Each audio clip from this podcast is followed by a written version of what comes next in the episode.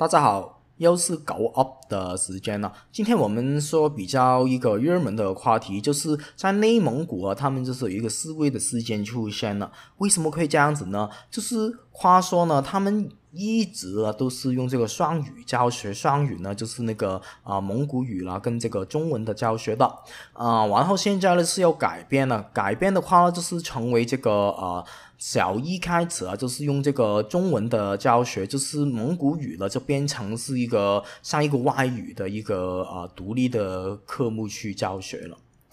那其实啊，这个东西为什么会这样子呢？官方一直也没有说为什么会这样子。那现在呢，是看到很多的蒙古人就是啊上街抗议啊，然后就是要那个巴克各方面的东西了。其实呢过去的那个对于呃少数民族各方面的那个文化的保存，我觉得还是说挺好的。因为我是认识一个啊内蒙的朋友，然后他那个时候就是啊，我跟他去聊过一些啊内蒙的东西，因为对于我。来说，我一个香港人就觉得啊，那个内蒙古对我来说很遥远啊，也是很特别的一个东西哦。然后他说那个普通话也是说的很好的，然后那当然他也说啊，你说普通话还是挺好，或者怎么样。然后呢，我们就是啊，说到就是很多地方的东西啊，然后各方面的，但。呃，说到底了，就是可能我也对呃那个内蒙古的认识实在是太小了，所以就是没有问出任何的东西。嗯，但是呢，总体来说呢，他们过那个生活还是挺可以的。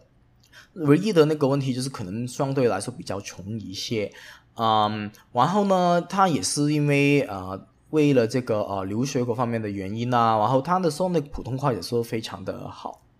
所以呢，其实啊，说很实在，我觉得在那个内蒙古啊，就是有没有这个必要，就是推行这个所谓的啊双语的教学了啊？如果像啊现在这个做法呢，我觉得可能已经足够了，就是没有必要什么东西都用这个啊华语或者是用这个中文来教学。毕竟啊，就是那个蒙古族他们。啊，一直以来都是有他们的那个的啊语言政策嘛，对不对？然后呢，比如说有一些学校是呃可以用这个啊蒙古语为主导的那个教教育的语言，然后一些是用汉语的。那你那些啊家长就是继续选择了，对不对？就是如果你觉得啊你自己的孩子就是可能啊需要学这个啊更多的中文的话，那你就把孩子是送到这个啊以中文为这个主体语言教育的学校就好了。那如果你还是觉得这个蒙古族的那个啊民族性为骄傲，那个我们的民族比这个之后他们啊这个学学了之后有多少用途，那个更为重要的话，那你就让孩子去读这个啊蒙古语的教学语言，对不对？所以呢，就是啊，我个人就是觉得就是。在中国里面，就是学这个汉语呢，当然是一个大事了。这个像我同样的是为什么用这个普通话来做这个啊 podcast，同样的道理。但是呢，我就觉得这个是个人的意愿嘛，对不对？你不可以说就是强迫别人就是学一个他可能不喜欢的语言，或者是你不让人家就是用自己一直。啊，都有这个语言来用这个教学上面。如果你说啊，那个啊，族裔的那些人太小啦，或者是他们没有这个资格去当老师，那是另外一个问题。但现在就在这个蒙古，那个内蒙古就没有这个情况出现。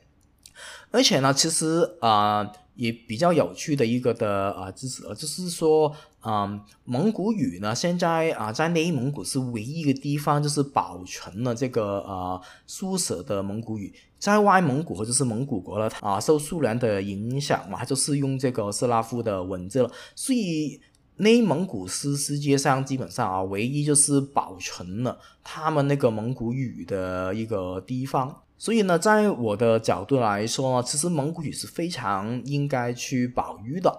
而且呢，其实。啊，我们如果在汉族里面，其实应该更多的那个推崇，就是学这个啊蒙古语啊，或者是啊这个东北那个啊满语啊，还有这个壮语啊这些。中国这个常常就是说，中国是一个啊多民族国家嘛，汉族为主体，然后多民族的国家嘛。那你如果是这么说的话，那你不可以就是说那些人全都学了中文，然后就是学富人就学英语嘛，对不对？你反而学英语呢是不合理的。你学这个英语，这个语言啊，沟通各方面这鬼嘛。当然，你自己的国家那些人民呢，那那些就不重要了嘛。你去学外面的语言，反而没有学这自己国家里面的那个语言推崇的这么好。那其实这个是国策出了问题。虽然呢，大家都可以觉得就是说啊，用一个语言来整个国家沟通这样子很方便，但就是说，既然他们。这个语言是能保存下来的，那些人也是有这个意愿，是让它保育下来。为什么我们不让他就是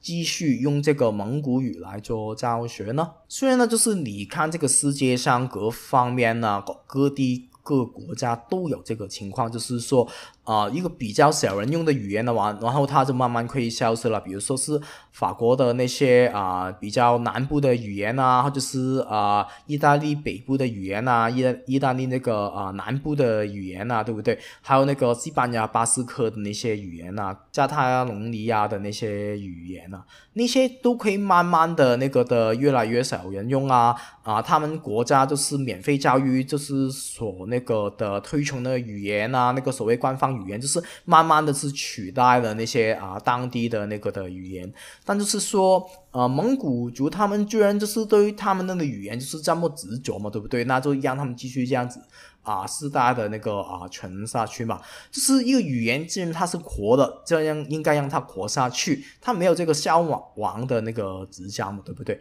那我们就应该更大啊程度那个保育，就比如说让更多的汉人去学，然后他们的那些当地的人，可能就是没有学特别多的那个呃其他的东西，然后他们就是会自己的语言，然后就可以一些汉语，就可以当这个呃蒙古语的教师啊，或者是维维吾尔语的教师啊。啊，满语的教师啊，壮语的教师，那这样子他的有这个出路，然后他们有这个啊经济的呃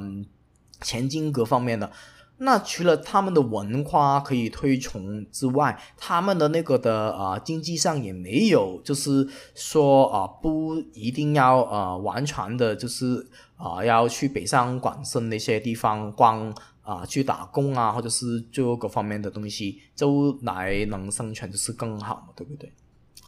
虽然很多人也可以说，就是啊，美国也有这个什么对于那个印第安人那些啊种族啊灭绝啊各方面怎么样的，就是那个语言的灭绝，世界都这样子的。但就是说，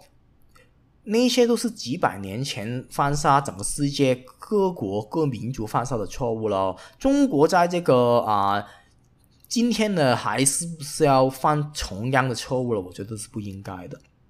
而且呢，就是很多时候他们也会说：“哎呀，这个中国这个文革对这个汉人的那个呃文化的破坏了是最多的，少数民族反而就最多保留下来了啊。”对，那你对自己就是啊自虐，那你自己常常啊打自己，那你现在打人家呢也是不对嘛？你自己打自己，就不代表你打人家就是也是对的，对不对？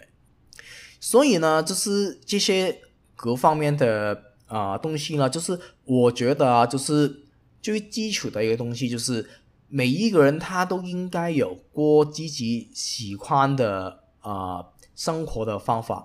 啊，无论他就是比如说他是喜欢啊这个触目的，让他去干嘛去干嘛，对不对？他当然了，就是这个前提就是你不要伤害别人嘛，对不对？所以呢，最基础的东西就是他们想用自己的语言来去教学，那就让他们去这样去做。那说到最后了，就是啊，我们用这个毛泽东的啊讲法哈，不是完全啊，就是认同他所有的讲法，就是这个讲法我还是挺认可，就是哪里有压迫，哪里有反抗，这个世界是没有无缘无故的爱，也没有无缘无故的恨的。好，今天的 Go Up 到这里了，谢谢。